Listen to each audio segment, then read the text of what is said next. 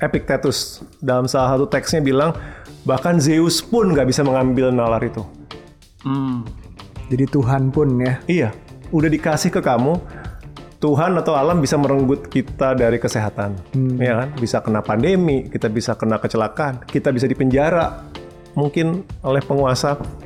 Tapi yang satu hal yang nggak bisa direnggut bahkan oleh dewa pun adalah nalar kita. Dia bilang, lo lihat deh orang-orang kaya kata dia.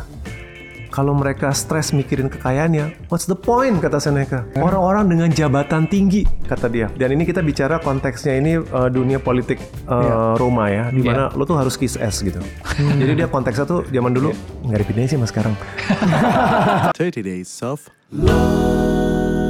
Hey guys, welcome back to 30 Days of Lunch. Episode kali ini masih bareng Ruby kita mau ngobrol oleh seorang temen gue yang udah gue follow lama di Iya. Twitter awalnya. Mhm. Di Twitter dikenal dengan @newsplatter. Wah, apa newsletter enggak? Newsplatter. Jadi menyediakan berita ceritanya ya. Tapi panjang nanti biar dia cerita kenapa namanya newsplatter sendiri. Yang lebih menarik hari ini adalah dia me- uh, kita diundang di sini karena mau ngobrol buku terbarunya. Sebenarnya nggak baru-baru banget, tapi udah jadi cetakan ke 43. 43.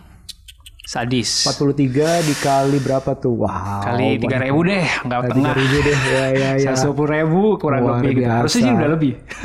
Judul bukunya ini yang Ruby pegang ini adalah Filosofi Teras. Nah, Filosofi Teras itu correct me if I'm wrong. Hai Henry, apa kabar? Halo, yo, baik, apa kabar? Oke baik. Nah kita, gue mau nanya dulu, filosofi teras itu teras adalah tempat nongkrongnya ya sebenarnya untuk membicarakan topik hari ini gitu. Betul. Yaitu stoikisme. Ya, Stoa, baca gimana sih? Orang tuh ada yang stoa, ada yang stoik. sama aja bisa Sama dibilang aja. stoikisme, stoik, stoicism, stoa, Ya. sama aja lah. Jadi teras itu adalah tempat mereka membicarakannya di saat itu.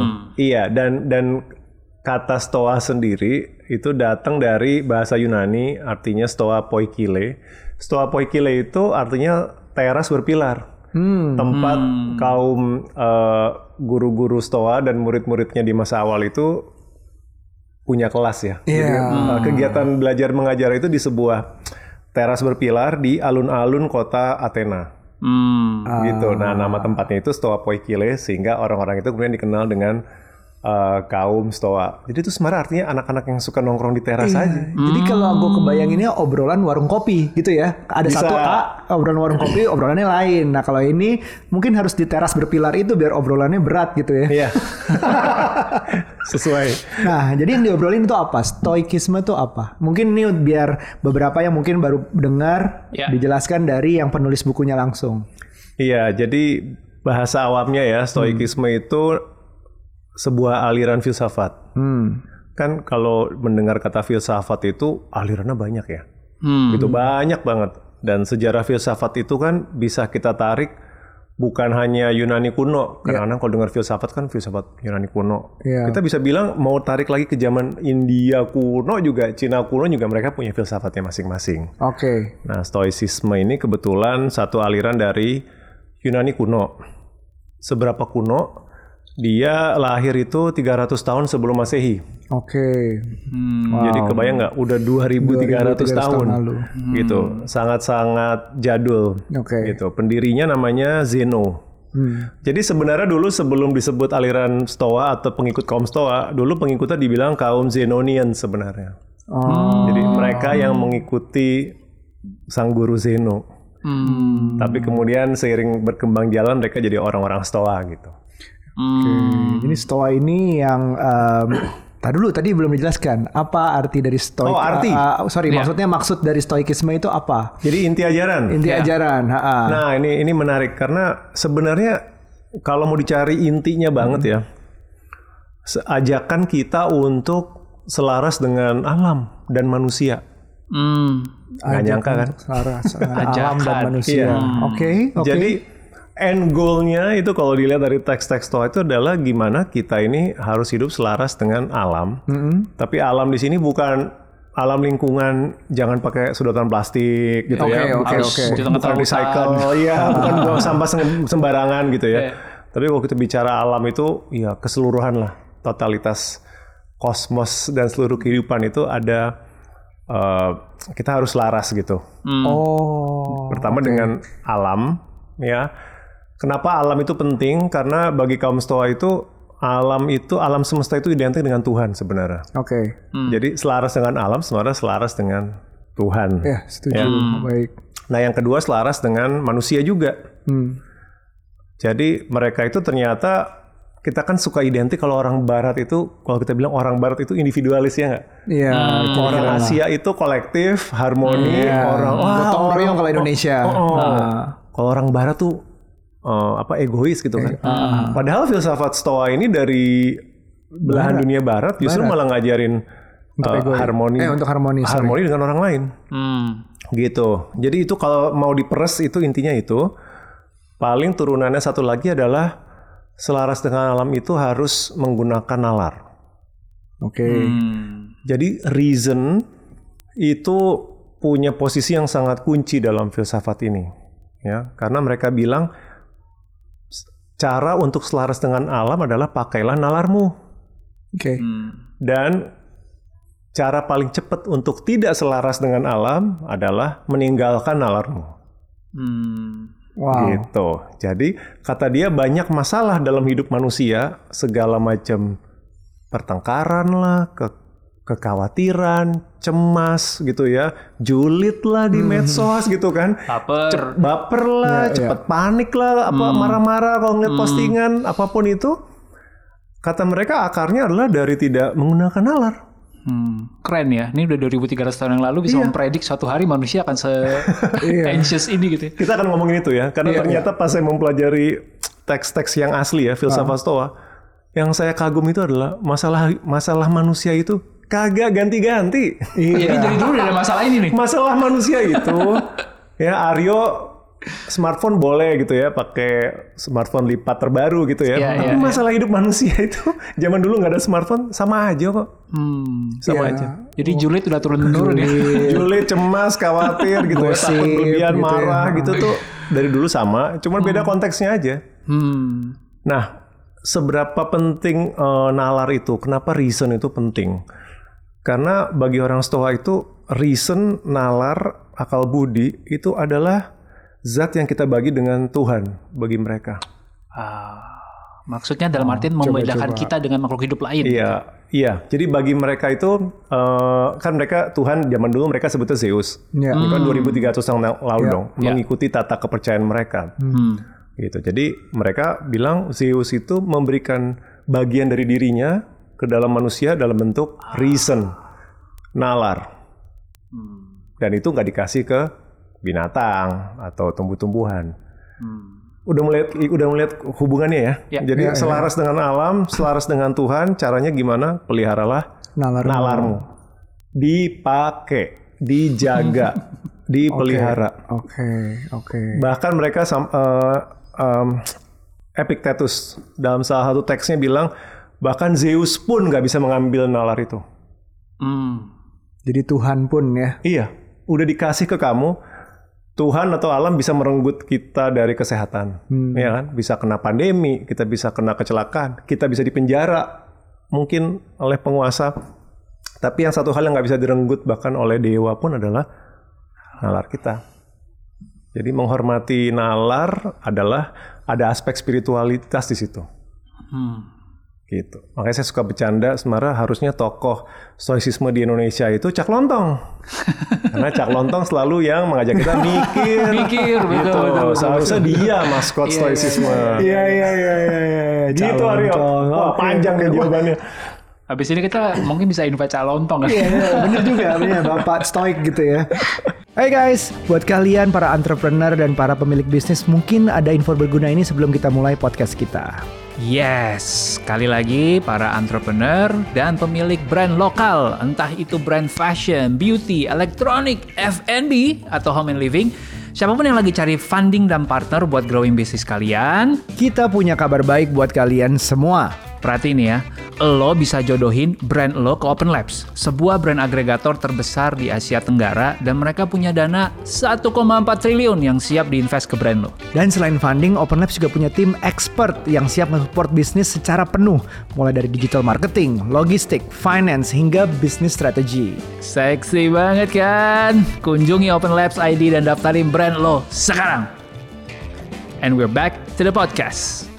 Kita um, ini, ini 2300 tahun yang lalu, tapi kayaknya yang gua denger-denger dan baca-baca tuh kayak baru on lagi tuh. Kayak 10 tahun terakhir Kira-kira. kira-kira di Indonesia bahkan dirimu yang mempopulerkan gitu dengan nggak tahu. bukunya. Ya, kelihatannya begitu ya. Mungkin. Udah udah berapa? 120 ribu 2018 buku udah akhir mulai ya. Iya 2018 akhir dan di dunia tuh ya 5-10 tahun ini belakangan on lagi nih. Betul, betul. Em, kenapa? Apa kira-kira yang eh, intrik orang untuk apa sih? Karena me- medsos rame mungkin em, orang udah mulai julid dan ramenya itu makin kerasa sehingga ini perlu lagi apa kenapa nih?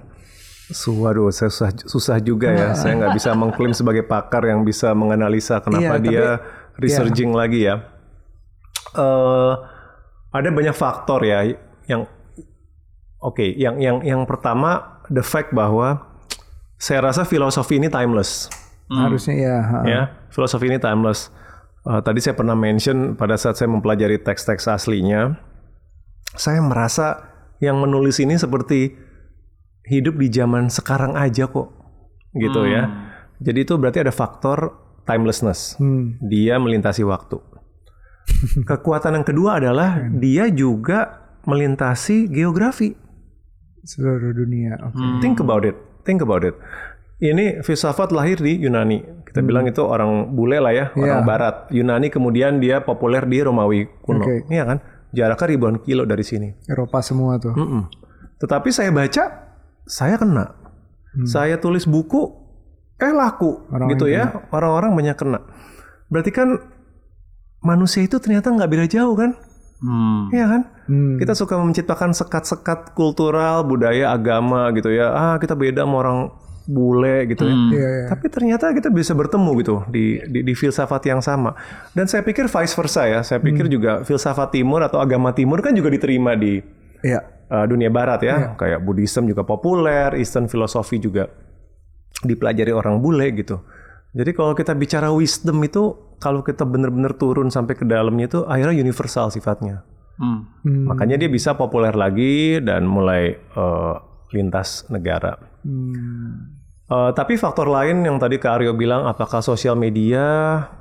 Saya nggak tahu ya. Mungkin orang-orang juga mulai mencari makna-makna di luar apa ya eh, sumber makna yang tradisional kali ya, terutama konvensional, tradisional. Iya. Ya, atau pemilu Amerika mungkin yang bikin ini semua terjadi. Enggak sih sebelum pemilu Amerika. Tapi kan kita tahu kalau di belahan dunia barat kan mereka udah nggak religius lagi ya, Iya. gitu kan. Ada ada fenomena post religion gitu. Jadi mungkin gamang gitu ya. Bagaimanapun juga manusia mencari makna eh, kalau mereka nggak dapat itu dari religion, mungkin hal lain Ah, gitu. Mungkin get it. filsafat bisa eh, menawarkan itu, mungkin gitu ya. Walaupun bukan berarti filsafat tidak kompatibel sama agama, gitu ya. Saya sejak men- eh, menerbitkan buku ini dapat banyak feedback juga. Ini nggak ada masalah, ini sejalan kok. Bahkan ada yang bilang filsafat ini membantu me- mempraktekkan agamanya dengan perspektif yang Iya, baru, misalkan. Hmm. iya, sama-sama ada Tuhannya juga ya dari dulu yang 2000 tahun lalu ya. dan panggilan untuk eh, hidup yang baik, menjadi orang yang lebih baik. Hmm. Saya pikir semua agama mengajarkan itu ya. Iya, iya, iya. Gitu. Iya, iya, iya. Tapi nggak nggak semudah kelihatannya ya. Maksudnya the book has been around for a few years, cetakan 42. Tapi kayaknya masih banyak orang yang salah tangkap. Iya. Nah, masih banyak orang yang mispersepsi. iya. Wajar iya. itu. Eh, mungkin kita bisa mulai dari situ dulu ya. Boleh. What is the the core tadi diceritain? Eh, mungkin apa sih yang akhirnya jadi orang banyak mispersepsi? And we can start from there. Kita ngobrol Hmm. Iya. lebih dalam. Hmm. Iya, jadi salah kaprah ya, salah salah salah tangkap, pengertian tentang eh, stoicisme itu banyak dan itu bukan hal yang baru gitu ya. Eh, udah ribuan tahun gitu. Mereka dikritik juga namanya filsafat wajar ya. Filsafat tuh banyak alirannya dan mereka bersaing gitu. Iya. Jadi saling melemparkan kritik gitu loh. Banyak ada rival-rivalnya gitu ya. Seru deh kalau kita baca sejarahnya gitu ya. Iya, kayak kayak stoicisme itu dulu saingannya sama epic Epicureanism Oke. gitu aliran Epikurean gitu Epiku itu mereka begini gitu Epikurean itu ngapain lo susah-susah mikirin eh, dunia dan politik menjauh aja kayak kita men gitu? Jadi aliran Epikurean itu detachment dari eh, kehidupan politik menjauh dari keriuhan kota gitu ya. Yang penting kita ngumpul sama temen gitu ya eh, jag- makan gitu ya berteman gak usah lah gitu terlibat dalam kerusuhan dunia. Stoicisme malah enggak, mereka malah terjun, mereka berpartisipasi langsung. Ya ini contoh eh, apa perdebatan. Eh, nah, salah kaprahnya adalah begini. Yang pertama sering kali salah tafsir ajaran dikotomi kendali, gitu. Yang Jadi dua ya, Iya. internal dan Ah, jadi eh, stoicisme itu salah satu basic tenet ya, ajaran paling dasar itu adalah menerima hidup itu segala sesuatu bisa dibagi dua. ya. Ada yang di bawah kendali kita, Iya. hmm. ada yang Di luar. tidak di bawah di luar kendali kita. Nah, yang di bawah kendali kita itu listnya pendek banget. Boleh tuh. boleh. iya, iya. cuma dikasih cuma dikasih opini, Opini, pikiran, pikiran. judgement sama tindakan kita. Oke. Udah gitu. opini, pikiran, Pikiran, judgment, judgment. tindakan. Kalau kayak bakat gitu segala macam dalam kita upgrade skill gitu segala macam. Iya itu mungkin bisa to certain extent ya karena itu kan tindakan ya masuk Tindakan, dalam, da- baik. masuk dalam tindakan kamu dalam you train tindakan. yourself bisa. Hmm. Nah cuma banyak orang nggak terima itu karena sisanya itu ditaruh di luar kendali. Luar. Hmm. Ada beberapa hal yang kita gampang terima ya. Kalau kita bilang cuaca, masalah ekonomi, pandemi, bencana alam, Iya. Hmm. oh iya wajar kita bilang ya. Gitu. Iya itu mungkin di luar kendali. Tapi terus reputasi, Hmm. kesehatan kita oleh orang Stoa dibilang di luar kendali tuh Hmm. ya kekayaan kita Hmm. gitu itu itu sama mereka Wah, itu susah dikelompokkan ya. Padahal itu rasanya milik banget ya. nah banyak orang yang nggak bisa terima wah gue nggak bisa gitu kan Hmm.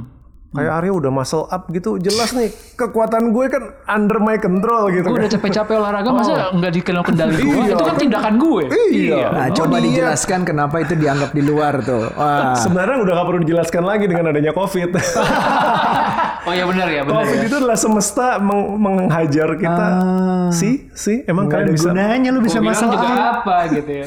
Iya kan sebuah entity bahkan nggak bisa dibilang makhluk hidup kan? Iya. virus itu kan bukan makhluk hidup. Banyak perdebatan dia tidak hidup gitu. Karena dia tidak lengkap kan? Dia nggak bisa reproduksi sendiri. Sesuatu entity yang begitu kecil memporak porandakan Dunia. dunia, selama dua tahun dengan Iya. kemajuan medis kita. Iya kan? Hmm.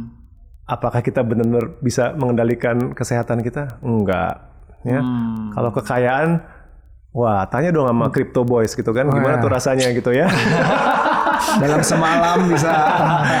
Jadi pada akhirnya kita mereka bener lah gitu. Orang-orang stoa itu bener dalam dikotomi uh, kendalinya. Kendali ini. Kalau kita ini ya mau rendah hati ya gitu. Reputasi kita mungkin akan bilang atau karir, reputasi dan karir. Kan gue fight. Gue hustling nih man gitu. Gue nggak nggak ikut-ikutan quiet quitting nih. I hustle man gitu kan. Quiet quitting. Ini kan berarti kan karir di bawah kendali gue gitu kan. Are you sure? Iya, iya, iya. Udah hustle-hustle itu startupnya nggak dapet series investment berikutnya, eh layoff, Wew, wew, wew, gitu kan. Nah, jadi itu itu ajaran dikotomi kendali. Salah kaprahnya di mana? Terus banyak orang mengira ajaran itu berarti kita pasrah aja, Hmm. Nggak usaha. nggak usaha, Hmm. gitu kan? Oh, di luar kendali kok, gitu, ya kan? Berarti lo ngajarin ini dong, eh, nggak usah effort, kan di luar kendali. Hmm. Lo mau lo mau jaga kesehatan, lo mati juga ketabrak ojek gitu kan di jalan. What's the point gitu? Jadi malah ketarik ke apatisme atau atau nihilisme. Itu nggak ada yang ngajarin itu dalam stoicisme. Nggak ada.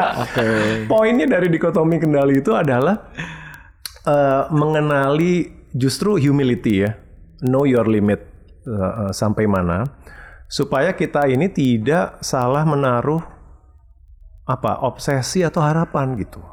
Hmm. Saya ambil contoh, kita kan mendekati tahun politik nih, pakai itu aja gitu ya, Oke. nyalek nyalek Iya. gitu kan. Bayangin kalau misalkan kamu nyalek gitu ya, wah udah keluar duit nih, gitu kan, udah invest segala macem gitu. Kalau kamu tidak pernah consider the possibility bahwa kamu kalah, ya kan, di mana itu kan di luar kendali nih. Iya, Kita bicara pemilu yang bener ya, lo, uh, uh, lo nggak nyogok gitu. Uh, kalau kita nggak pernah consider possibility bahwa kita mungkin kalah, kan ketika akhirnya kalah, berat kan rasanya kan, Iya. lo bisa gila gitu. Yang artinya apa? Effort lah gitu. Put your best effort itu di bawah kendali gitu ya. Mau nyalek silakan gitu ya. Eh, yang penting jangan berbuat yang tidak adil iya. ya. Melanggar hukum. Ah, eh, berlaku dengan integritas tapi selalu ingatkan diri saya bisa kalah. Ha- Outcome-nya saya nggak bisa mengendalikan. Tindakannya bisa. Tindakannya bisa. Nah, itu sebenarnya yang mau di apa diajarkan gitu. Berikhtiarlah gitu. Iya, iya, Tetapi selalu siap dengan outcome-nya. Outcome-nya apa pun itu harus selalu siap Hmm. gitu. Nah, itu kan sebenarnya tips untuk jaga mental health. Apa pun ikhtiar kita, ya nggak? Iya benar. Mau punya bisnis, mau jadi vlogger kayak ya kan? mau jadi startup, mau jadi karyawan, Iya. mau nyari jodoh, Hmm. Iya. itu kan ber, berusaha put your best effort, tapi at the same time ingetin diri, saya harus siap uh, outcome-nya apa. Jadi bukan apatisme seperti yang di- di- dituduhkan itu. Hmm. Cukup jelas nggak di sini? Cukup jelas Yang, sekali yang itu. misunderstanding itu. Ya, gue masih mau coba mencerna ya. Gue pernah nonton salah satu episodenya ini udah lama sih. Prison Break. Prison Tahu ya? Break. Ah. gue tau tapi gue nggak nonton ya. Terus, Iya, iya. Prison Break itu ya biasalah season 1 masih oke lama-lama season 3 udah ya. Em, tapi ada salah satu dia ketemu pastor ya. Dia ketemu pastor kan ber- tanpa agama dengan ada agama gitu. Salah satu konsep agama yang diajarkan eh percaya Tuhan atau tidak percaya Tuhan. Salah satu konsep Tuhan yang diajarkan adalah humility-nya itu. Jadi dengan lo percaya Tuhan, itu mengatur humility lo bahwa ada yang di luar kendali. Hampir sama sama, ini. Um, lo biar nggak terlalu sombong, terlalu yakin, terlalu depresi begitu udah nggak dapet apa yang lo mau padahal gue udah semua bahwa ada di luar kendali. Kalau dari sisi pastor itu adalah adanya Tuhan. Nah, ini kan hampir sama ya berarti ya masalah dalam kendali dan di luar kendali, entah itu di luar kendalinya siapa pun yang mengendalikan. Tapi the belief that there is something Bigger. yang mengendalikan eh bukan, yang di luar kendali kita itu puts your humility intact gitu ya. Betul. Dan bagus juga Aryo kembali ke kata humility. Karena penerimaan di luar kendali itu work both ways. Work both ways maksudnya gini. Dia berguna ketika things don't go as you wish. Ya. Ya, di tengah failure atau setback. Ya. Kamu apa you are not too hard on yourself Ya. Ya. because uh, siap tim bola deh misalkan ya, Iya, gitu kan. tim bola MU lah, udah. MU lagi Ah, klub. udah transfer mahal mahal gitu ya iya, pemain iya, ya iya, wah iya. pelatih udah dibayar dapat yang dari mana? Ya kalah juga gitu kan. kalau gagal lo nggak beat yourself up tapi ada di other flip to it Ya, kalau lo sukses juga lo harus inget bahwa ini ada faktor luar ada faktor di luar kendali. kendali. I see. sama kan harus konsekuen Iya, benar ketika benar lo setuju. sukses, ketika lo untung, Hmm. lo nggak bisa bilang ini karena gua men, terus langsung lo jadi motivator gitu kan lihatlah gue. No no no no no, no. yang kata dulu bilang, gua nggak akan pernah tahu di balik kesuksesan ini ada banyak faktor. Iya. Kadang-kadang kita bilang hoki atau yang orang lain yang nolong, ada koneksi, ya kan? Ya. Mm-mm. Jadi it works both ways. Lo nggak jatuh banget banget terpuruk kalau gagal, tapi kalau lo sukses, chill man, syukuri. But maybe it's not you. Nggak usah terlalu songong ya. Iya, nggak nggak usah terlalu songong gitu. Termasuk buku ini sukses, gue juga nggak bisa bilang nggak Iya, songong. iya, iya, iya. Banyak faktor. Udah pasti Banyak karena faktor, faktor ada yang beli ya. ya, ya, ya. Gitu. Iya iya. Jadi jadi ngerasanya gini sih. Even dalam konteks filsafat ini pun juga jadinya turunan itu kan jadi banyak ya. Banyak quotes-quotes yang sebenarnya kita dengar sehari-hari itu tuh sebenarnya bersumbernya dari sini nih. 2300 tahun sebelumnya udah disampaikan tapi dibawakan ulang soalnya dengan cara yang berbeda. Oke. Misalnya tadi yang gue sering dengar adalah kalimat this too shall pass Hmm. gitu kan kayak lu lagi happy ya this too shall pass. Bisa jadi suatu hari besokannya lu sedih karena sesuatu. Tidak ada yang permanen ya. Ada yang permanen. Lu lagi sedih juga sama. This too shall pass. Besok bisa jadi ada sesuatu yang baik yang datang. Mirip kan kayak tadi gitu ya. Terus mungkin ada juga quotes yang orang bilang eh, apa namanya eh, do your best tapi prepare for the worst. Iya. Sama kayak tadi gitu kan. Iya, benar. Eh, jadi sebenarnya ya wisdom ini ya udah turun temurun gitu. Cuma Iya. kita cernanya dengan cara yang lain, nggak menyebutnya stoik gitu ya, menyebutnya Betul. stoa. Atau wisdom itu begitu universalnya sehingga ditemukan juga oleh orang-orang lain Hmm. secara independen ya. Iya. Jadi nggak nggak bisa mengklaim bahwa oh itu semua datangnya dari stoicisme. Enggak. Kalau kita ngecek ajaran Islam gitu ya atau Iya. ajaran eh, apa eh, Konfusius atau apa akan ketemu tuh. Iya. They found the same wisdom. Menarik ya, Dari padahal berbagai dulu nggak ada sosial media gitu. Mereka nggak bisa influence satu sama lain, tapi they come with the same wisdom gitu. Mungkin karena nggak ada sosial media, makanya mereka ketemu wisdom. I see. Kalau mereka scrolling Nah, itu tolong dulu, dicatat kagak kagak mikir-mikir. sosial media ya. Gini terus kan? Iya, iya, iya. Iya, iya, iya. Iya iya iya. Jadi em, tapi gimana sih cara kita Tadi kan udah disebut walaupun udah disebutin eh, mana yang internal eh, dalam kendali, mana yang di luar kendali. Ya. Tapi em, gimana sih rasanya kalau kita kita makhluk sosial nih hidup di dunia yang ya orangnya udah semakin banyak mungkin dibanding 2300 tahun yang lalu. Belum suaranya makin keras dengan sosial media. Kan setiap kali ada sesuatu masuk ke kita yang seharusnya di luar kendali, gimana nge- membatasinya? Eh, Maksudnya biar nggak ngeganggu kita. Kita dengar sesuatu karya kita yang yang kita pikir kita udah tindakannya udah full nih, nih dalam kendali nih tindakan udah full tapi tiba-tiba dijulitin tiba-tiba dikritisi terus nggak berhasil mau nggak mau manusia sebagai makhluk sosial dan makhluk emosi pasti itu aduh panas nih. Panas nih gue gue udah usaha ini semua. Ya kalau konten creator ada haters lah. Iya. ya dikomenin segala macam walaupun komennya udah tahu nih eh, mungkin sedikit ya gue juga suka kayak ah, so Inggris loh gitu. Karena gue campur bahasanya atau Iya, eh, iya. apalah gitu segala macam terus ya tetap aja. Kayaknya ada sebagai makhluk emosi itu kayak gemes gitu. Nah cara balik lagi oh itu bukan itu di luar kendali gue loh ini yang dalam kendali itu gimana caranya Ya caranya ya seperti itu udah nggak ada yang lain. Jadi maksudnya maksudnya cara itu adalah remind yourself gitu. Hmm. Em, saya rasa praktik stoicisme ya yang yang harus lebih banyak orang modern eh, meng- melakukan ya itu adalah mengambil jeda untuk berdialog dengan diri sendiri. Ya Gitu. antara meditasi nafas gitu Enggak, enggak, Nggak enggak sampai situ? Enggak, Oke. enggak, enggak Enggak, sampai meditasi. oke, oke. Sesimpel kita ambil contoh inilah, kita hater misalnya, kita kan sama-sama di sosial media, ada aja hater gitu kan mungkin. gitu. Biasanya kita kalau membaca sesuatu kan pasti sangat manusiawi loh. Sangat manusiawi untuk merasa tersinggung gitu ya atau sebel gitu kan. Ya elah gitu kan atau salah nggak nggak nonton komplit atau membaca komplit udah udah nggak mau nggak mau Iya, gitu kan. yes. Pasti kan itu lo ngerasa meradang kan. Nah, respon itu nggak apa-apa di dalam perspektif stoicisme itu itu normal, itulah manusiawi. Hmm. Itulah nature manusia. Yang mereka mau ajak kita adalah habis itu lo bisa nggak ngasih waktu untuk mikir, berdialog dengan diri sendiri. Hmm. Kalau orang yang nggak melatih diri dalam stoicisme reaktif, reaktif tuh maksudnya brengsek lu ya, oh, terus lu ngebales kan, era nggak kelar-kelar kan thread, tang tung tang tung tang Iya, gitu kan, iya, balas-balasan kan. Kalau lu mau menuruti, Iya iya iya. lo being reaktif. Gitu. Sementara kalau ada sang guru stoa hadis itu dia bilang tenang gitu.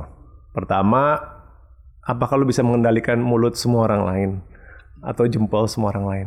Nggak bisa kan? Hmm. Jadi kenapa lo nafsu gitu? Reali, this is just life gitu. Iya. Hmm. Ya- Yang kedua, lo mau expect apa gitu? Lo mau expect semua orang harus melihat point of view lo atau appreciate apa yang lo suka, gitu kan? Nyantain apa gitu? Biarin orang ber- punya perbedaan eh, pendapat, Iya, gitu kan? Itu kan kayak ada internal dialog kan? Nah ini adalah praktek yang kita jarang lakukan. Nah, Kita memilih untuk react, gitu. Padahal kalau kita mau mengaudit pikiran kita sendiri, ini penting banget gak sih buat gue bete, gitu kan? Misalnya lihat bigger picture gitu. Sebenarnya Iya. penting gak sih? Iya. Dan kan jadi kan inget gak ada nasihat orang lama kan sebelum lo marah hitung sampai 10 Hmm. Ada, ada, Iya. ada. nafas gitu. ah gitu kan just count to 10 ya mungkin orang tua akan tambahin count to 10 and think gitu is this worth it untuk lo react atau enggak Iya. sesimpel itu aja gitu. Jadi apa ya? Ya itulah. Manusia sekarang terlalu jumpy ya. Jumpy itu langsung. Langsung, langsung. dan itu very dangerous di era sosial media. Karena kita f- rentan dimanipulasi sama orang-orang atau pihak-pihak yang memang sengaja mau stir the water apa? Iya. Makanya gue jadi ngomong Inggris deh kalau Iya, ngomong. iya. Apa-apa, apa-apa. Jadi pengen sengaja menciptakan kerusuhan kan? Iya. Iya kan? Ada video politisi, ah ini lucu nih kalimat ini kalau gue penggal bikin orang marah. Gue Iya. potong, gue post kan. Wah, langsung orang ngamuk gitu kan. Padahal kalau lo mempraktekkan stoa, Bentar. coba chill dulu. Ada evidence lain nggak? Hmm. Gitu. Jangan-jangan ini ada niat-niat untuk mengadu domba misalnya. Hmm. Jadi, enggak, enggak cepat reaktif gitu loh. Apalagi mau 2024 ya. Nah, ini isinya nih, bahkan siap-siap. banyak yang bukan orang sebenarnya di baliknya, cuman bot, Bot. gitu yang dikumpulin untuk Iya, buat provoke. Kita tahu di Amerika udah kayak gitu kan. Iya, ha-ha. Sebenarnya stoicisme itu eh, vaksin gitu menghadapi kayak gitu supaya lo nggak cepet react gitu. Think think about it. Gitu. Hmm. Ada politisi ngomong, kok ini kayak gerombolan marah gitu. Kalian nggak? Didn't get the joke. Udah, udah, udah, udah, kita ulang nggak lagi. baca, nggak ulang lagi. baca berita lately. Oke. Iya iya iya iya. Anyway. Ya, ya kalau kita ngelihatnya em, kalau gue masih suka ngelihat kayak oh nggak apa-apa lah kalau cuma satu. Oh nggak apa-apa lah kalau cuma dua, yang lainnya komentarnya positif gitu. Hmm. Terus tapi kan bahaya juga kalau kita ngelihat berdasarkan jumlah tiba-tiba diatur sama bot nanti ke depannya. Wah ternyata ada 100 orang yang Nyerang. tahunnya tinggal beda-beda tipis. Ternyata ya dalangnya satu di belakangnya itu bahaya banget ya memang kalau nggak kita stop ya. ya makanya lo come up with star ya. Uh, stop, think, think, assess. analyze, oh assess, assess Yeah, analyze. dan react. And react atau respond ya. Right. Tapi sorry ya, gue coba lagi nih. Kalau keadaannya agak darurat gimana? Misalnya gue kasih, oke kalau itu kan kita dibalik dibalik handphone. Em, ya udah kita diem aja. Ya udah ditutup handphonenya juga kadang-kadang masalahnya sebenarnya nggak ada gitu. Tapi kalau kita di jalan naik mobil, serempet atau ketabrak kalau misalnya kita ngelihat di video di sosmed itu juga karena udah mulai orang panas di jalan nih ASN lah uh, terus apa uh, mobil tertentu lah kok ini mobil ini terkenal emosional ya gitu gitu Iya, iya, bercanda-candanya iya. Udah lagi tengah-tengah macet tiba-tiba belakang totot totot totot. Oh iya, biru-biru ya. Nah tiba-tiba yang bip-bip atau apa gitu tiba-tiba kesentuh terus turun. Nah keadaan kita lagi turun gitu di klakson belakang cepetan dong kalau mau berantem di pinggir bla bla bla gitu. Nah itu kan rush semuanya adrenalin dianggapnya Sempet itu tuh nalarnya. nggak sempet tuh itu gimana tuh? Emosinya duluan. Sam nggak ada nggak ada nasihat yang berbeda untuk itu. Dan dan menurut saya itu eh, training ya. Oh trainingnya bener sih. It's jadi ada ada satu lagi insight yang saya dapat selama mempelajari dan mempraktekkan ini bukan bukan mempelajari lah mempraktekkan. Bener juga sebenarnya. Eh, mental kita itu nggak ada bedanya sama badan sama otot. Itu bisa dilatih. Bener. bisa dilatih gitu. Dan artinya semua orang bisa menjadi lebih baik. Jadi kita nggak setuju tuh sama statement yang bilang "Eh, tapi gue lahirnya kayak gini men. Emang gue orang panasan gitu. Itu kan berarti kan seolah basically gue nggak mau berubah. Gue nggak bisa berubah sorry. Iya iya. Gue kan Virgo gitu loh gitu. jadi lo, lo maklumin gue dong gitu. Iya iya. nah itu tuh definitely nggak nggak acceptable gitu ya. Karena sebenarnya eh, itu bisa dilatih gitu. Dan dan gue kebetulan Virgo. beberapa Baru jawab gue kebetulan Virgo. by the way seorang Leo nggak percaya zodiak lo harus Oke, tahu itu oke. Eh saya Leo. iya makanya harusnya Tapi saya zodiak- nurut iya. aja sama istri sih. Istri percaya udah. dan harusnya Leo itu nggak percaya zodiak katanya Oke. anyway Terus terus terus. terus. Terus Saya apa, kebetulan ya. berubah. Iya iya. Eh, ada banyak aspek yang sesudah saya latih, eh, I become better. Saya nggak bilang sempurna ya. Hmm. Yang paling cepat improve itu adalah road rage gitu, kemarahan di jalan. Kebetulan pakai contoh kemarahan di jalan. Aduh, gue tuh dulu gampang tertrigger di jalan sih. Jadi kalau gue udah macet tuh gue frustrasi banget gitu. Ya, jadi gue bener sampai marah gitu, ma- eh, meledak. Eh, sekarang gue udah enggak gitu di jalan udah oh ya macet tuh bisa lebih ya udahlah gitu nggak kayak dulu lagi Bukan faktor usia tapi ini ya. Ini emang dilatih. Bukan, karena ini kejadiannya cukup cukup rapid nih habis belajar stoicisme gitu. Oke, yang diulang tuh apa? Yang dilatih tuh apa jadinya? Iya tadi em, apa ya internal dialog ya. Hmm, Wow. Jadi kalau udah mulai ngerasa emosi itu sebenarnya saatnya lo berinternal dialog, gitu. Kita banyak nggak belajar itu kan. Iya. Jadi kita larut. Kalau saya marah berarti saya turutin. Padahal manusia itu punya kemampuan buat hang on gitu, ngomong sama diri sendiri. Ini worth it atau enggak gitu. Atau ini is this the right thing to do. Hmm.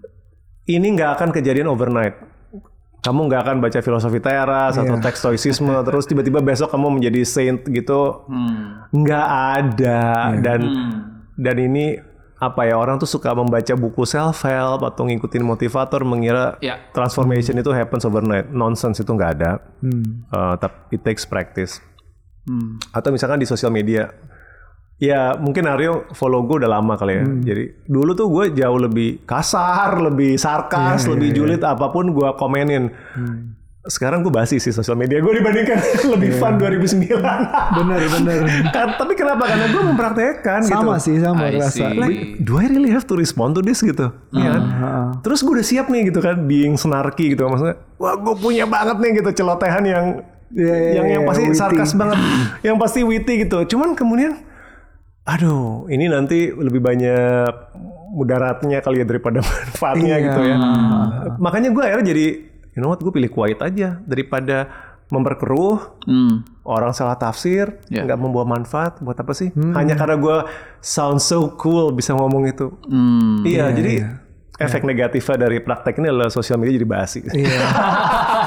Engagement turun kak. engagement turun di luar kendali gue ya udah yang penting Tapi gue coba gue coba challenge sedikit ya. Go, Apakah, go. apakah berarti jadinya emotional regulation itu number one dalam hal ini? That's the first thing. Good Dan question. yang kedua, kan ada juga orang yang bilang sometimes it's good for you to vent it out. hmm, Karena kalau lo tahan emosi lo, amarah lo, mungkin bisa jadi sakit penyakit or something. hmm, hmm. Nah dua itu aja sih yang gue pengen coba. Oke. Eh, mungkin research lo udah ketemu sesuatu yang baru. bukan bukan riset sih yang yang pertama itu kan eh, emotional regulation ya Iya. Nah ini juga em, bagus nih topiknya pertanyaannya. Saya memakai analoginya begini, Hmm, menjaga kesehatan sama mendapatkan berat badan ideal. Oke. Maksudnya begini, banyak orang terobsesi dengan gue pengen beratku ideal, Hmm. ya kan? Hai. Atau badan gue, Salah satunya. atau badan gue harus bagus gitu Iya, kan? iya, iya. Tapi itu agak missing the point gak sih? Karena sebenarnya berat badan ideal itu adalah konsekuensi dari sehat. Hmm. Yang dikejar itu sebenarnya harusnya sehatnya. Sehatnya. Iya kan? Di mana efek samping dari bukan efek samping lagi. Ya konsekuensi Bonus. dari pola hidup sehat adalah berat badan lo ideal. Gitu. Ya. Nah, kalau orang melupakan sehatnya dan ngejar berat badan idealnya, akhirnya bisa terjebak ke cara-cara shortcut, Iya kan? Iya. Atau cara-cara yang sebenarnya nggak sustainable Iya, iya. crash diet, minum obat, suntik sana sini yang berat badan lo turun. Hmm. Tapi karena itu bukan dari something yang uh, fundamental ya, jadinya yoyo berat badannya naik turun gitu. Atau mahal. A- atau mahal gitu ya. Nah, stoicisme dengan emosi. Menjaga emosi itu cuman efek sampingnya, I see. bukan itu yang harus dikejarnya. Get it? Sama kayak kita jangan mengejar berat badan ideal, tapi kejarlah sehatnya. Hmm. Begitu juga dalam stoicisme, lu jangan bukan terobsesi, "Arr, gue menahan emosi. That's missing the point gitu. Kalau gitu apa dong yang analoginya sehatnya, Ya. sehat fisik dengan di stoicisme apa? Nalar yang sehat. See. Balik lagi ke reason. Karena kalau lo reasonnya sehat, Hmm. lo nggak perlu ngotot untuk menahan emosi gitu. I see. If you live according to nature, yang artinya you have a healthy reason, ini akan jadi efek samping sendiri. Dan ini, insight ini melahirkan aliran psikologi kognitif behavior therapy. Aliran terapi, CBT. Yang sampai saat ini dianggap salah satu aliran terbaik, eh, terefektif. itu founder-foundernya uh, Aaron Beck, Dr. Albert Ellis itu kalau kita baca bukunya bilang kita terinspired oleh stoicism Hmm. gitu. Jadi suffering emotional kita sering bilang penyebabnya faktor eksternal, ya kan? Ya. Gitu kan. Lo pulang bete, kenapa lo? Itu bos gue yang ngasih kerjaan udah lewat jam 5 misalkan gitu kan atau kenapa lo Eh, kripto turun gitu kan. Macet lah sesederhana Ah, atau, macet atau, lah. atau macet lah, gitu kan? Ya. Nah orang eh, orang stoa akan bilang no no no no, gitu. Bukan macet, bukan kripto turun, bukan bos yang bikin lo disturb atau upset, Oh, iya. tapi opini lo Tentang. tentang kripto, opini lo tentang bos, lo, lo. atau seorang bos sep- harusnya kayak gimana, Mm-mm. opini lo tentang jalan raya kayak gimana, itu yang bikin lo campur aduk I see. gitu dan berarti nalar lo lagi nggak beres karena kalau nalar lo beres ya lo akan menginterpretasi kejadian-kejadian itu beda efek sampingnya lo lebih tenang Hmm. Jadi misalnya ya kalau macet, nah, ah, terus kita ngobrol sama diri sendiri nih, tenang menganalisa. Ini correct me if I'm wrong, menganalisa opini kita tentang macet. Awalnya kita berpikir macet ini bikin gue uh, nggak sabaran nunggu buang bakal waktu, telat nih. gue bakal telat segala macam. Terus tapi kalau misalnya ngobrol,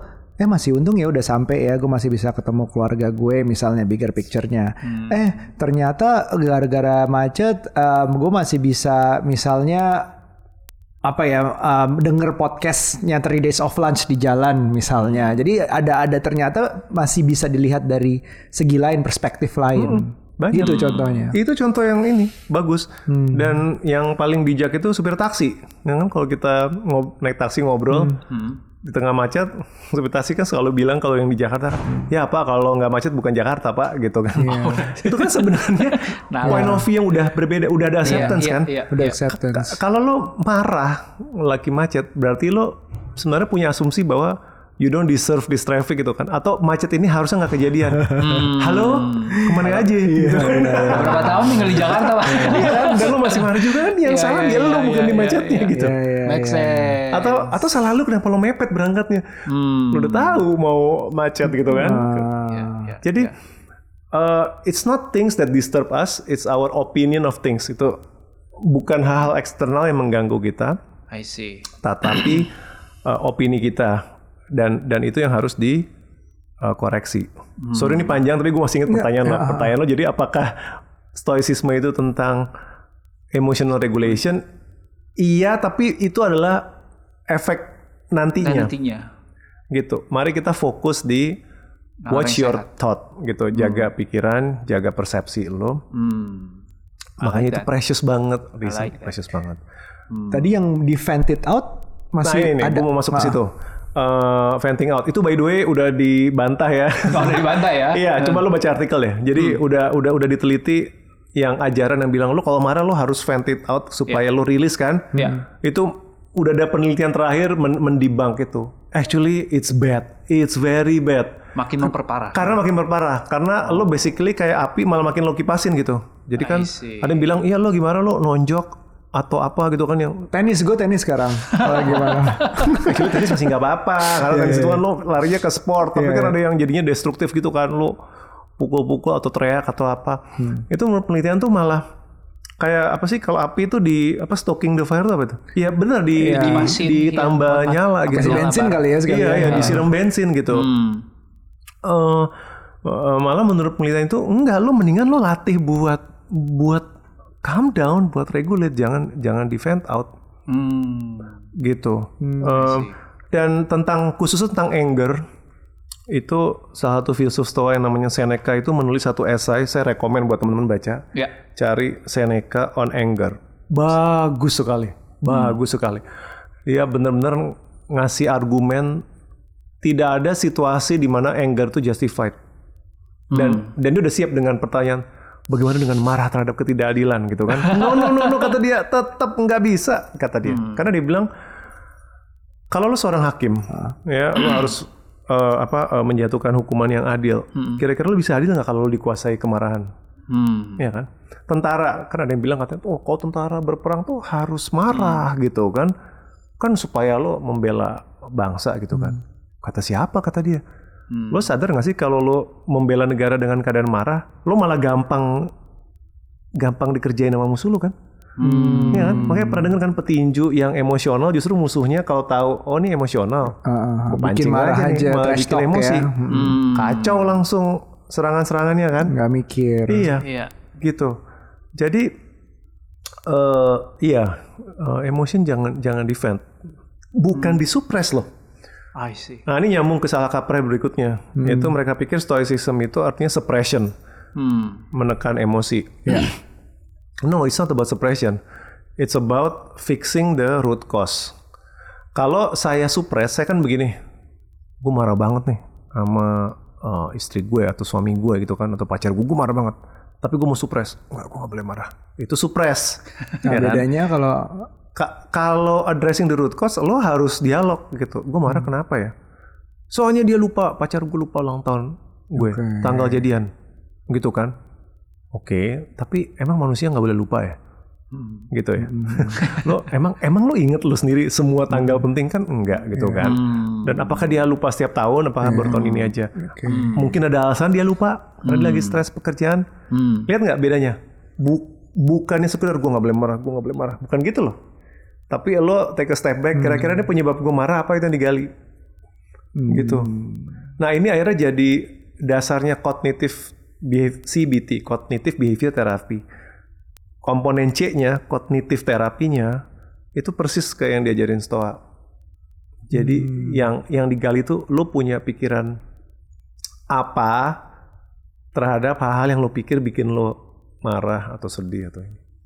Coba dicek pikirannya. Jangan-jangan gak logis. gitu. Ya kayak macet tadi. ini em, ya itu yang mau gue tanya ini sebenarnya meregulasi emosi bukan sama suppress karena dipikirnya em, biar nggak stres atau biar nggak apa lo harus nahan emosi lo harusnya bukan seperti itu ya karena misalnya sama anak pun uh, parent talk juga suka ngajarin psikiater psikolognya anak tuh diajari untuk mengenal emosinya di awal jadi kalau nangis kasih waktu misalnya butuh nangis jangan jangan nangis gitu itu malah berat buat dia gitu jadi kalau misalnya nangis itu diajakin untuk Oke, kamu sedih ya. Kamu kenapa? Apa yang kamu rasain sekarang? Um, ini, oh iya, kenapa? Dialog. Ah, nah, iya. dari Betul. kecil tuh kita diajarkan untuk mendialogkan, dibantu kalau masih kecil. Nah, itu tujuannya itu dipraktekkan di udah gede gitu. Bahwa kalau samaan um, um, anggap aja ada yang nanyain, kenapa ya gue nangis? Apa yang gue rasain ya badan gue kenapa ya? Tadi apa yang kejadian ya? Kalau gini gimana? Kalau gitu gimana? Jadi anak pun dari awal dari kecil sebagai parents gue juga diajarin untuk coba nih sekarang gimana uh, kalau anak nangis, oke kamu masih mau nangis, butuh waktu, bahkan dikasih gitu. Maksudnya bukan untuk dihentikan biar dia mengenal dulu emosinya tuh apa namanya ini. Oh ini namanya marah, oh ini namanya oh gini toh rasanya marah, gini toh rasanya sedih. Jadi dialog yang di stoa ini di gede mungkin dari awal dari kecil tuh harusnya udah dituntun untuk kayak Ya. belajar berdialog. Dirimu Ya. kan juga punya anak ya. Iya. Mungkin juga anak nangis, anak teriak, anak marah itu pasti pernah ngalamin juga gitu. Eh, gimana mengapply gitu ke ke anak tentang belajar mana yang meregulasi, mana yang disupres atau nggak ada yang disupres apa gimana gitu sama anak tentang stoa ini? Ya tentunya harus sesuai dengan perkembangan usia ya, gitu. Iya betul. Ah, jadi pasti treatmentnya berbeda. Eh, tapi saya senang tuh yang kamu bilang dan dan itu yang saya coba praktekkan juga sih. Eh, saya dengan istri. Jadi kalau sekarang anak saya udah enam tahun ya, jadi udah udah udah Sama lebih gitu. bisa berdialog gitu kan, kok udah udah bisa diajak ngobrol. Jadi kalau dia nangis atau marah, kita nggak jangan cuma bilang jangan nangis, Iya, jangan marah. sulit dia. Ah. biarin aja. Tapi paling mulai tuh ada dialog sesuai usianya kan. Apa sih yang bikin kamu marah? Hmm. Ya kan? Nggak tahu jawabnya. gitu. Biasanya tahu sih, mainannya saya rusak gitu kan. Oh, apa kita nggak jadi ke mall gitu atau gimana gitu kan. Gitu. Oh, gitu. Nah, eh, dari situ kan dia diajarin menemukan link antara Emosi. emosi dengan sebuah alasan gitu kan, sebuah pikiran dia gitu. Eh, terus ya kenapa gitu? Iya. Emang emang kenapa sedih? Kadang-kadang seiring waktu percakapan itu aja tuh emosinya bisa stabil loh. Iya. Iya kan? karena karena sebenarnya apa yang terjadi tuh Ditemuin nama nalarnya ya. Iya. Kayak diajak ketemu gitu ya. Iya. Sama ada yang namanya itu, eh, aduh saya lupa istilahnya itu bukan detachment tapi, aduh apa ya di- diffusion ya. Jadi em, gara-gara kita menganalisa emosi kita, kita, kita sebelumnya melekat kan. Kita lagi antara saya dan marah itu kan sedang melekat. Iya. Tapi gara-gara diajak ngomong, tiba-tiba kita tuh kayak di, diajak untuk ngelihat diri kita sendiri tapi dari dari luar gitu. Hmm, kayak nontonin diri kita sendiri Iya, gitu ya. iya. Ya, bird's eye view gitu ya. Lu marah kenapa sih? Gitu kan. Nah, itu tuh baru proses begininya aja udah ngebantu Ngereda. mereda sedikit gitu. Apalagi kemudian diproses. Hmm. Gitu, misalkan eh, marah-marah nggak bisa main karena hujan gitu kan.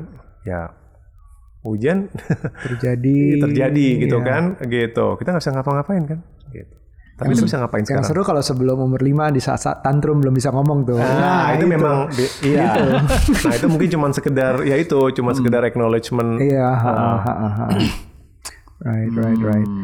Wah, banyak banget sebenarnya yang dipelajari tadi. Aku suka banget bagian uh, kita tuh bisa berubah. Kita yang kayak Virgo, Leo tadi segala macam. tapi kayak um, aku juga nonton si contoh Mingyu Rinpoche, uh, Buddhis meditasi segala macam. Itu secara medisnya kan selama dia meditasi diukur uh, Oh ya, otaknya. gelombang ya, gelombang Ah, otak. Hmm. gelombang otaknya. Memang rasanya seperti anak eh, apa jauh lebih, muda. dari umurnya. Hmm. Jadi gelombang otaknya di saat meditasi itu terbukti memang lebih santai, lebih Hmm. calm gitu. Jadi itu hasil. Mungkin dia meditasinya udah expert banget. Cuman kalau kita kayak sebenarnya bukan harus meditasi, tapi kayak berdialog, uh, stop, think, being um, tadi start Ambil salah jeda lah. satunya, Hmm. ambil jeda.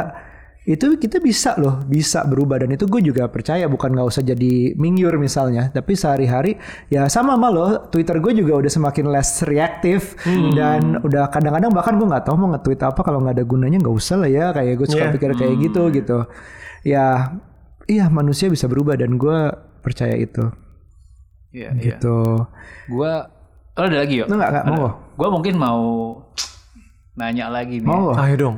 Eh, karena filosofi teras ini kan menurut gue banyak aplikasinya. Hmm.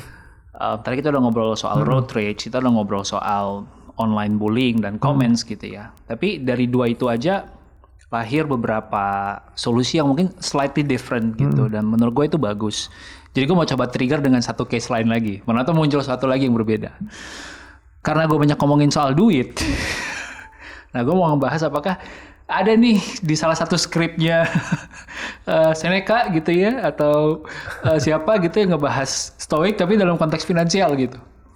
Karena gue ngelihatnya em, di satu sisi sejak 2018 banyak orang yang mengedukasi tentang finansial. Wah, lu mesti nabung, invest, saham. But to one extreme, akhirnya muncul lah. Sebelum umur 30 sudah punya 1 M. Iya iya iya. 100 juta gaji apa dua Iya gitu kan. Terus ah, ah. muncul comparison gaji, terus mulai kayak eh ada bagusnya lu tahu kalau oh gue masih punya room to stretch, tapi ada sisi lainnya juga yang kayak orang jadi teriak privilege, teriak ini itu gitu. So ada nggak sih sesuatu yang yang eh, Henry dapat selama ini dari ngobrol dari stoicism ini berkaitan dengan isu-isu finance tadi gitu. Hmm. Iya. yang paling basic apa ya? Kalau saya sih how to stay calm menghadapi market yang fluktuatif misalkan. Atau sekarang lagi inflasi gitu ya. Iya. Saya itu kan penyintas krisis finansial 2008. Oh, gitu kan. Udah udah Dan 98 juga dong berarti ya? Hah? 98 juga dong. 98 saya belum punya banyak duit. Baru oke, oke. Tapi iya gitu. Tapi 2008 itu saya ngelihat overnight itu saya inget nilai portfolio drop 40% overnight. Berapa persen? 40 persen. Iya. Wow. Dua, 2008 itu. Wow. Ya kan? Lehman Brothers dan lain-lain. Hmm. Eh, walaupun saya belum ketemu stoicism waktu itu, cuman saya ingat saya nggak panik sell Hmm. gitu. Kalau saya sell sekarang gue malah realize lossnya gitu kan. Hmm. Dan bener aja untung nggak gue nggak sell gitu. Jadi gue dan habis itu kan kita recover ya Ya. Gitu. Jadi em, apa ya in pertama how to be calm ketika market eh, bergolak gitu ya.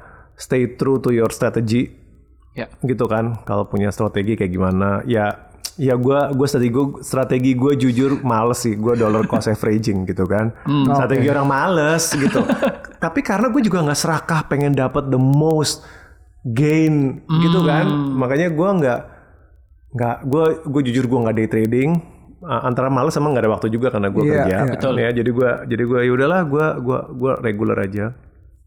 Gitu. Dan apa ya in a way kan itu ngajarin disiplin gitu. Sebenarnya kan itu bentuk dikotomi kendali kan. Kalau gue berinvestasi selalu reaktif dengan pergerakan pasar itu kan malah bisa suboptimal. Hmm. Iya kan?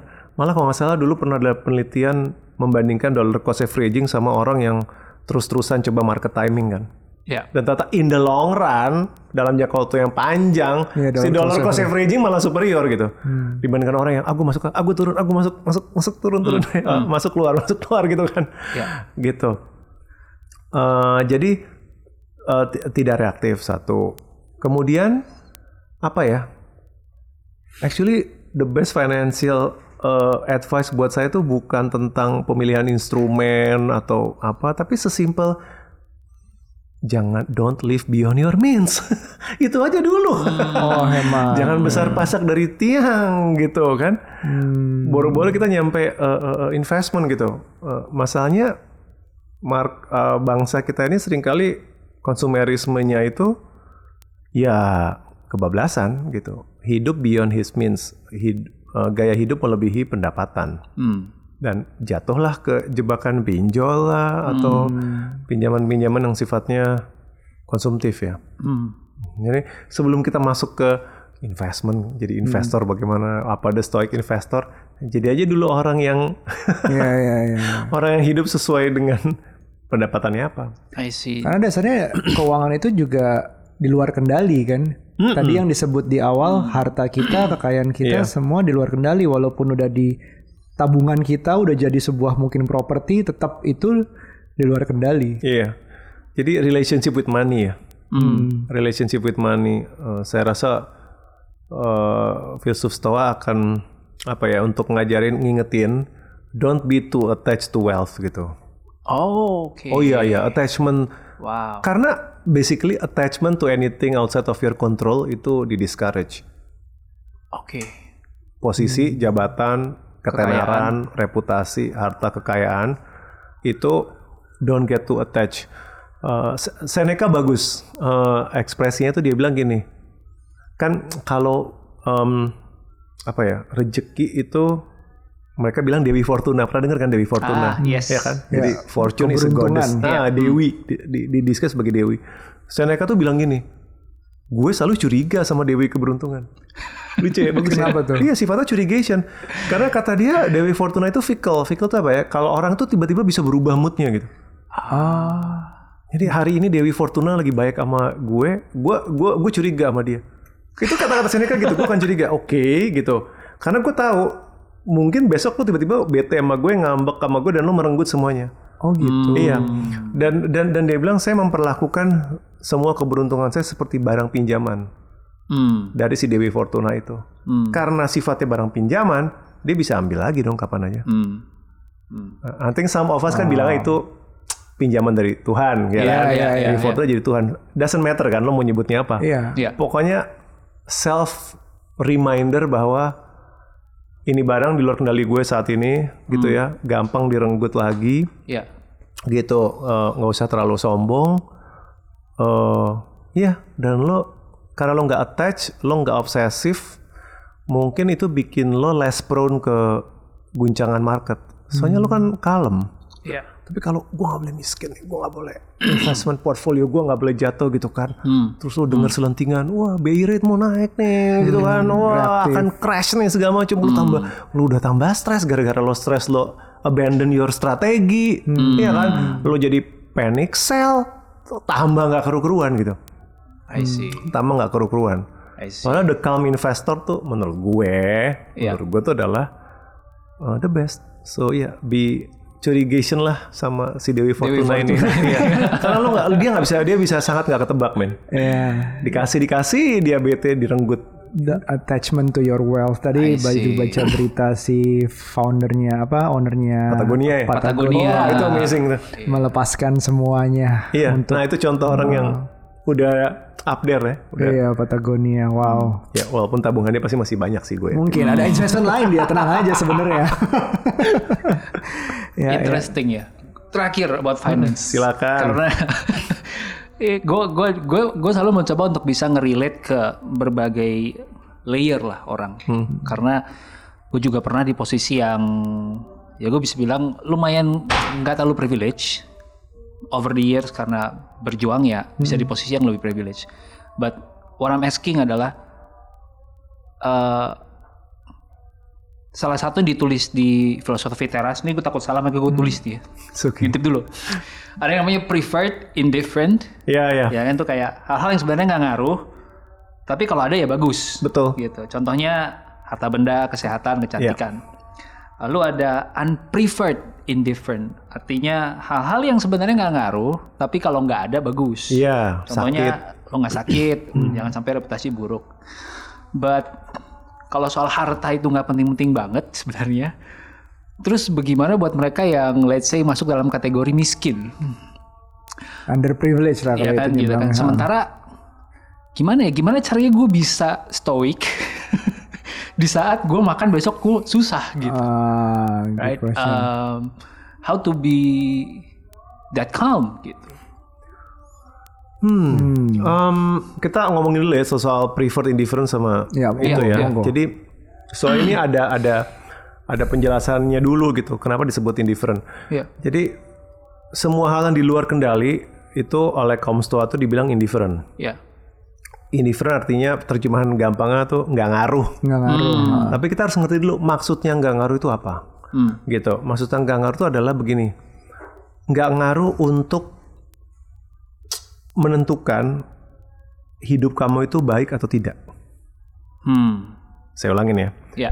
Apa arti indifferent dalam konteks eh, filsafat Stoa? Indifferent itu artinya hal-hal yang masuk kategori indifferent itu tidak menentukan you have a good life or a bad life. Oke. Hmm.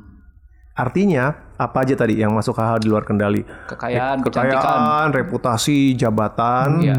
itu mereka masuk indifferent yang artinya kita tidak menggunakan ini untuk menilai hidupmu baik atau tidak. I see. Kalau gitu, a good life atau not a good life hanya bisa dinilai dari mana? Yang paling fair, hal yang di dalam kendali. Iya tadi, oke.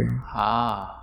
Fair dong, logik lihat orang stoa. Hmm. Lihat orang stoa. Dia bilang gini, sekarang saya melihat ada orang privilege misalkan kan. Kaya, rumahnya besar, mobil banyak, gitu kan. Does he have a good life? Belum Kalau kata orang stoa, belum. Kalau hanya lihat dari hartanya, belum tentu. Harta kan di luar kendali dia. Mungkin warisan, mungkin koneksi, mungkin privilege, ya kan? Eh, apa pun itu gitu. Ya, sebaliknya, saya ngeliat orang yang miskin, apakah berarti hidupnya tidak baik? Kata orang stoa. Enggak juga. Ah, Oke. Karena kemiskinannya dia bisa jadi struktural Iya. akibat ketidakadilan sistem. Hmm. Iya kan? Masa lo mau bilang orang ini a bad life hanya karena dia miskin? Kalau orang dia miskinnya belum tentu salah dia kok. Ah, in that context ya. In that context. Jadi filsafat stoa itu good or bad life harus dilihat dari hal-hal yang dibawa kendali dia. Gitu. Jadi oh dia eh, miskin tapi dia jujur. Maka he, he or she has a good life. Gitu. Dia mungkin pangkatnya rendah gitu. Tetapi dia tidak mau korupsi. Dia memilih tidak korupsi walaupun godaan itu ada. Kesempatannya Dan ada. he or she has a good life. I see. Dia mungkin masuk penjara, tapi dia masuk penjaranya karena eh, nggak ketidakadilan gitu, Iya, ya. iya, iya. atau karena dia membela yang benar gitu, karena dia aktivis. Iya dia masuk penjara, tapi di mata Stoa he or she has a good life karena dia pilihan-pilihannya lah gitu yang menentukan dia eh, good or bad. Hmm. Makanya orang-orang Stoa ini cukup menjengkelkan di zaman dulu karena nggak terlalu respect sama kaisar. Hmm. Makanya banyak yang dihukum mati kan karena ngeselin gitu. karena mereka tuh udah whatever gitu kan. Eh, lo punya jabatan tuh gue nggak silau gitu, bodoh amat gitu. Yang yang gue lihat lo your choices, eh, tindakan lo itu lebih penting Hmm. Eh, bahkan hero-nya jadi salah satu tokoh yang di look up oleh filsaf, eh, oleh para filsuf Stoa itu belum tentu orang Stoa. Contohnya mereka eh, menjadikan Diogenes si aliran sinik sebagai hero. Jadi ada aliran lagi namanya aliran filsafat lain namanya si cynicism, tapi ini beda sama sinis kayak yang kita ngerti sekarang ya. Oke. Ah, sinik itu dari kata sik, eh, kalau nggak salah signus yang artinya anjing. Kenapa? Karena praktisi filsafat ini hidupnya kayak anjing. Jadi mereka ekstrim. Mereka anti kekayaan. Oh. Jadi mereka, wah, mereka hardcore gitu. Mereka kalau Stoa itu nggak apa-apa dengan kekayaan. Kalau aliran si, The Cynics itu tuh eh, menggelandang. Mereka ih kekayaan gitu, benci banget gitu, anti banget. Nah itu a- a- ada kisah si eh, eh, Diogenes itu, dia tuh hidupnya di jalan tinggal di gentong. Suatu, tapi kan dia terkenal Ya. karena dia bijak. Suatu hari Alexander Agung, pernah Alexander dengar the dong Alexander iya. Agung di masa jayanya dia menguasai Raja Makedonia, menguasai belahan Eropa itu berkunjunglah gitu kan untuk menghormat kepada dia gitu kan. Wah ini ini ini filsuf orang paling bijak. Jadi dia datang gitu kan. Bapak guru gitu yang maha bijak gitu ya, guru filsafat. Saya Raja Alexander Agung. eh, dia lagi di jalan ya, si Diogenes kan tinggal di jalan. Apa yang bisa saya berikan? Apa yang bisa saya lakukan kepada Bapak guru? Apa jawabannya? Anda bisa minggir sih karena Anda ngalangin sinar matahari. Saya lagi berjemur. itu kisah itu tuh klasik banget. Bisa minggir nggak? Saya lagi berjemur dan kamu nutupin matahari. Nah itu that kind of story itu untuk nunjukin, aduh gue nggak peduli lo punya eh, apa wealth dan apa. Nah ini Cynicism ini ya. Ya, nah ini saya balik. Jadi em, buat orang yang susah gitu ya, eh, wealth itu nggak apa-apa gitu, dan dan dan dan silakan di apa ya diperjuangkan gitu ya. Go ahead gitu. Eh, Tokoh-tokoh Stoa itu sangat beragam ya. Yang paling kaya itu mungkin Seneca, tajir banget, tapi akhir hidupnya Sama tragis. ada yang gelandangan ya kalau nggak salah. Eh, Iya, eh, bukan gelandangan sama mantan budak ada Budak-budak, ha, ha, ha. ada Kaisar Marcus Aurelius ya tajir tapi ya dia jadi kaisar kan karena ini ya eh, nasib keturunan. keturunan gitu ya. Eh, tapi di suatu spektrum lain kamu ketemu orang kayak Epictetus budak gitu bekas budak. Jadi lihat spektrumnya eh, mereka nggak eh, anti wealth gitu. Jadi harus nggak memperbaiki nasib? Ya harus lah. Orang itu preferred kok. Hmm. Oh ya, ada preferred, ada unpreferred. Jadi walaupun dia indifferent, walaupun dia tidak bisa dipakai untuk menjudge hidup kita baik atau enggak, tapi mereka cukup logis gitu. Mereka bilang yang namanya sehat sama punya uang, of course preferred. Jadi kan mereka tuh nggak nggak gila gitu ya, nggak Iya, kayak iya, iya, iya. anti gitu. Kenapa? Karena mereka argumennya begini. Karena dengan kesehatan, dengan kekayaan, kamu bisa berbuat baik. Iya betul. Hmm. Logikanya gitu aja. Gitu. You Itu- can do more. Jadi logikanya dia pun untuk berbuat baik, bukan untuk. Iya. Jadi emang balik ke virtue-nya dia lagi gitu Iya, ya. balik ke virtue. Wow.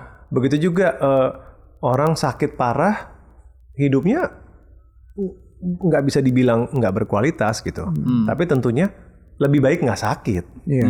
gitu kan? Iya, iya. Karena kalau nggak sakit, you can do more, Bisa you can do berguna good. untuk Uh-uh, orang. gitu. So artinya em, mau jadi kaya boleh nggak? Boleh, Hmm. boleh banget. Tapi harus sampai sacrifice your virtue nggak? Hmm. Apakah mengejar kekayaan yang sebenarnya indifferent ini terus merusak hal-hal yang dibawa kendali lo gitu kan? Hmm. Gua akan korup demi kekayaan. Ya udah, net-net lo sebenarnya loss kata dia gitu. Hmm. Menjawab pertanyaan lo nggak? Menjawab, Jadi menjawab. memperbaiki nasib itu go, silakan. I love it. Mm, Nggak anti, an- nggak anti wealth.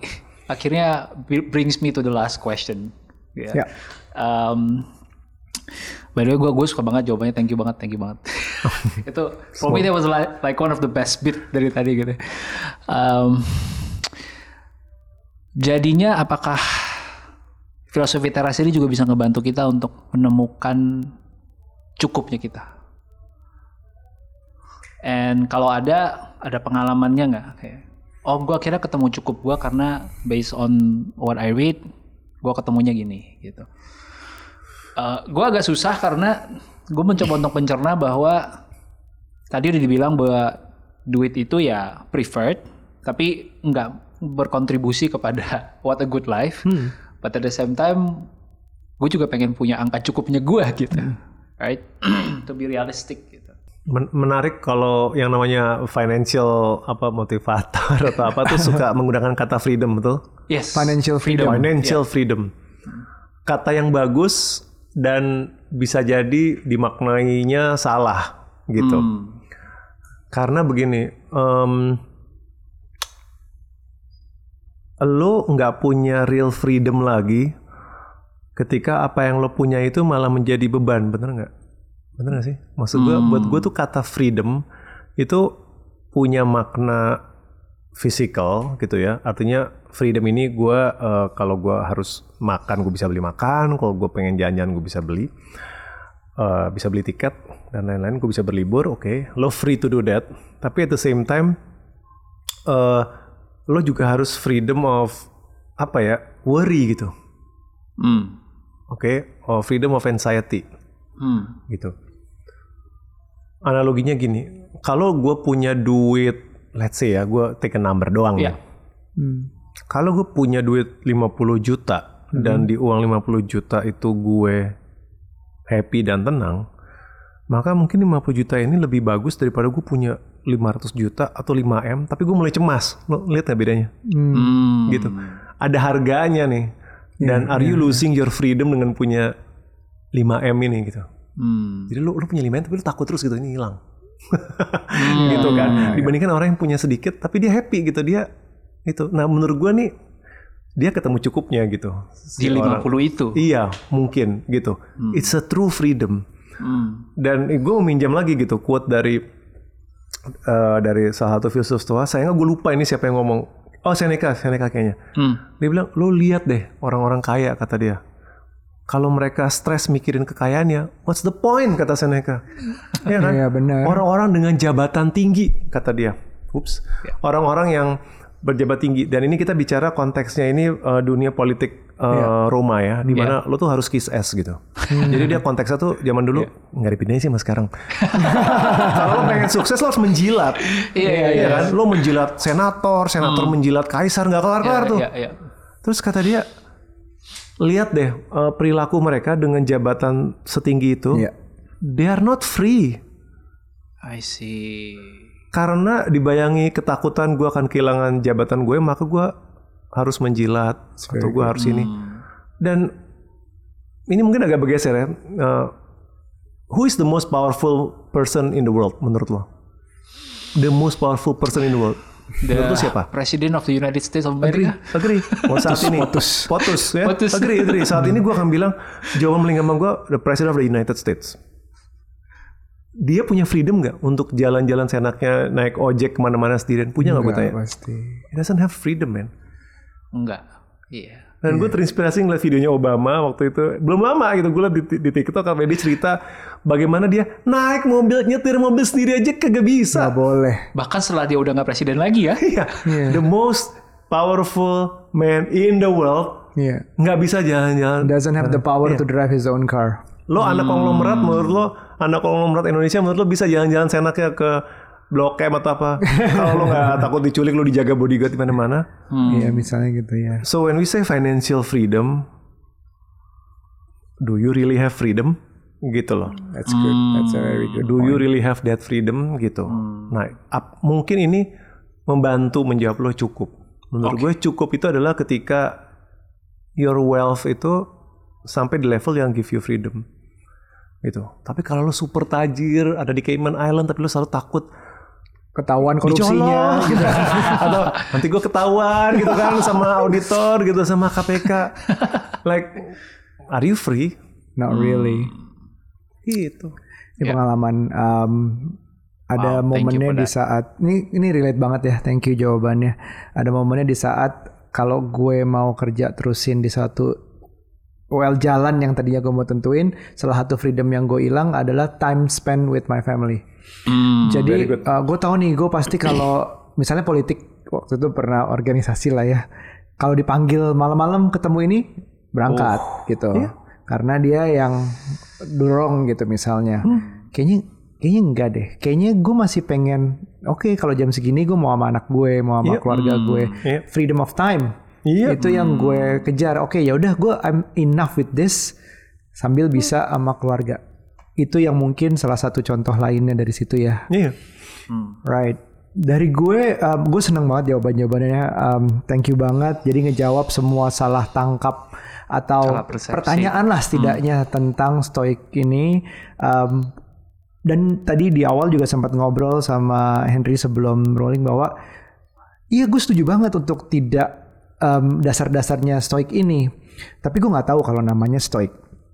Gue nggak tahu ini namanya apa, filsafat apa segala macam. Uh, ba- tapi banyak banget yang mungkin align. Dan dan kita tuh sebenarnya nggak harus tiba-tiba oh ini stoik kita harus jadi stoik atau oh ini filsafat lain harus ini. Itu boleh kalau iya. Uh, kalau mau silahkan dibaca bukunya. Ya. Tapi as long as it gives you guidance atau purpose atau virtue lo nanti cocok, ya namanya apa pun itu, Who cares? who cares sebenarnya? Anything that works, anything that works. lo man. mau stoik perjuangan ternyata ada bedanya sedikit, Stoik perjuangan. Lambangnya beda dikit ya. lambangnya beda Iya, dikit, Marcos Aurelius tapi ada Moncong putih. who cares? Jadi uh, ini adalah dasarnya mungkin untuk salah satu kalian pendengar penonton bisa pelajarin. Iya. Jadi dari situ mau dikembangkan, oh ini cocoknya kalau gue yang orangnya begini, bi- silakan, silakan Silakan, iya. banget. Nggak ada um, buku ini atau Hen- Henry tidak memaksa untuk harus ini nggak boleh salah. Nggak dogmatis Nggak atau dogmatis lo atau dihujat. apa. Nggak. Because basically it, tujuannya adalah memperbaiki uh, Henry juga berdasarkan pengalamannya sendiri, memperbaiki hidupnya dan semoga memperbaiki banyak hidup orang lain. Nah, kalau tinggal disesuaikan at your pleasure, at your wish gitu, silahkan banget. Dan gue senang banget sama jawaban-jawaban hari ini, um, terbuka banget. Bukan berarti gue langsung gue stoik besok gitu, bukan. tapi banyak banget yang oh gitu, oh iya, iya dan gue setuju gitu kebanyakannya. Dan gue suka banget. Thank you banget uh, udah hadir. Uh, bukunya keren banget dan Ruby kalau mau menambahkan silahkan. Ah, mungkin gue cuma mau bilang ada lesan buku ini masuk sampai cetakan ke 40 sekian ya. Betul betul. Um, unexpectedly mungkin uh, dari sebuah wisdom yang 2300 tahun yang lalu turns out it's a wisdom that we need in moments like this in times like this dan um, sekarang dengan ramenya inflasi naiknya BBM I'm sure teman-teman juga ngelihat tough times are ahead Ya. So, gue udah kebayang banget kalau episode ini mungkin akan jadi salah satu episode yang teman-teman perlu save. Iya. Baik di Apple Podcast kalian, Spotify Iya, kalian, atau di YouTube, YouTube kalian. One day, one day kalau lu lagi di jalan kena macet, lu dengerin Henry barusan tadi lagi ngomongnya.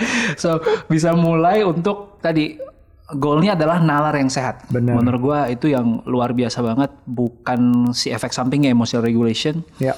Uh, dan tadi dampaknya juga soal bukannya soal macet, tapi juga Hmm. soal finance dan semuanya ternyata uh, kepake gitu. So thank you banget, thank you banget. Thank you for Uh, having me ya. Thank you so It's much. been. Appreciated. Yeah. Appreciated. Katanya cuma podcast ketiganya dia nih kalau nggak salah diundang. Wow.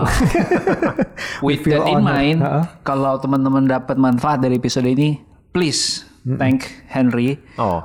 ya kan? Uh, Bisa dengan beli bukunya Atau atau give a shout out. di Twitter dia lebih aktif di Twitter ya. Masih ya. Masih lebih Dulu TikTok gue belum bisa joget soalnya. gue menghindari. Apa akunnya? Newsplatter. Newsplatter. Kalau di Instagram Henry Manampiring. Eh, H H Manampiring. Ha Manampiring. Dan juga bisa colek-colek kita 3 Days of Lunch atau Aryo di Ya, Shegario. uh, gua di Alexandro. Ya. Thank you very much for watching. Thank you. Till next time. Thank you. See you at the next lunch.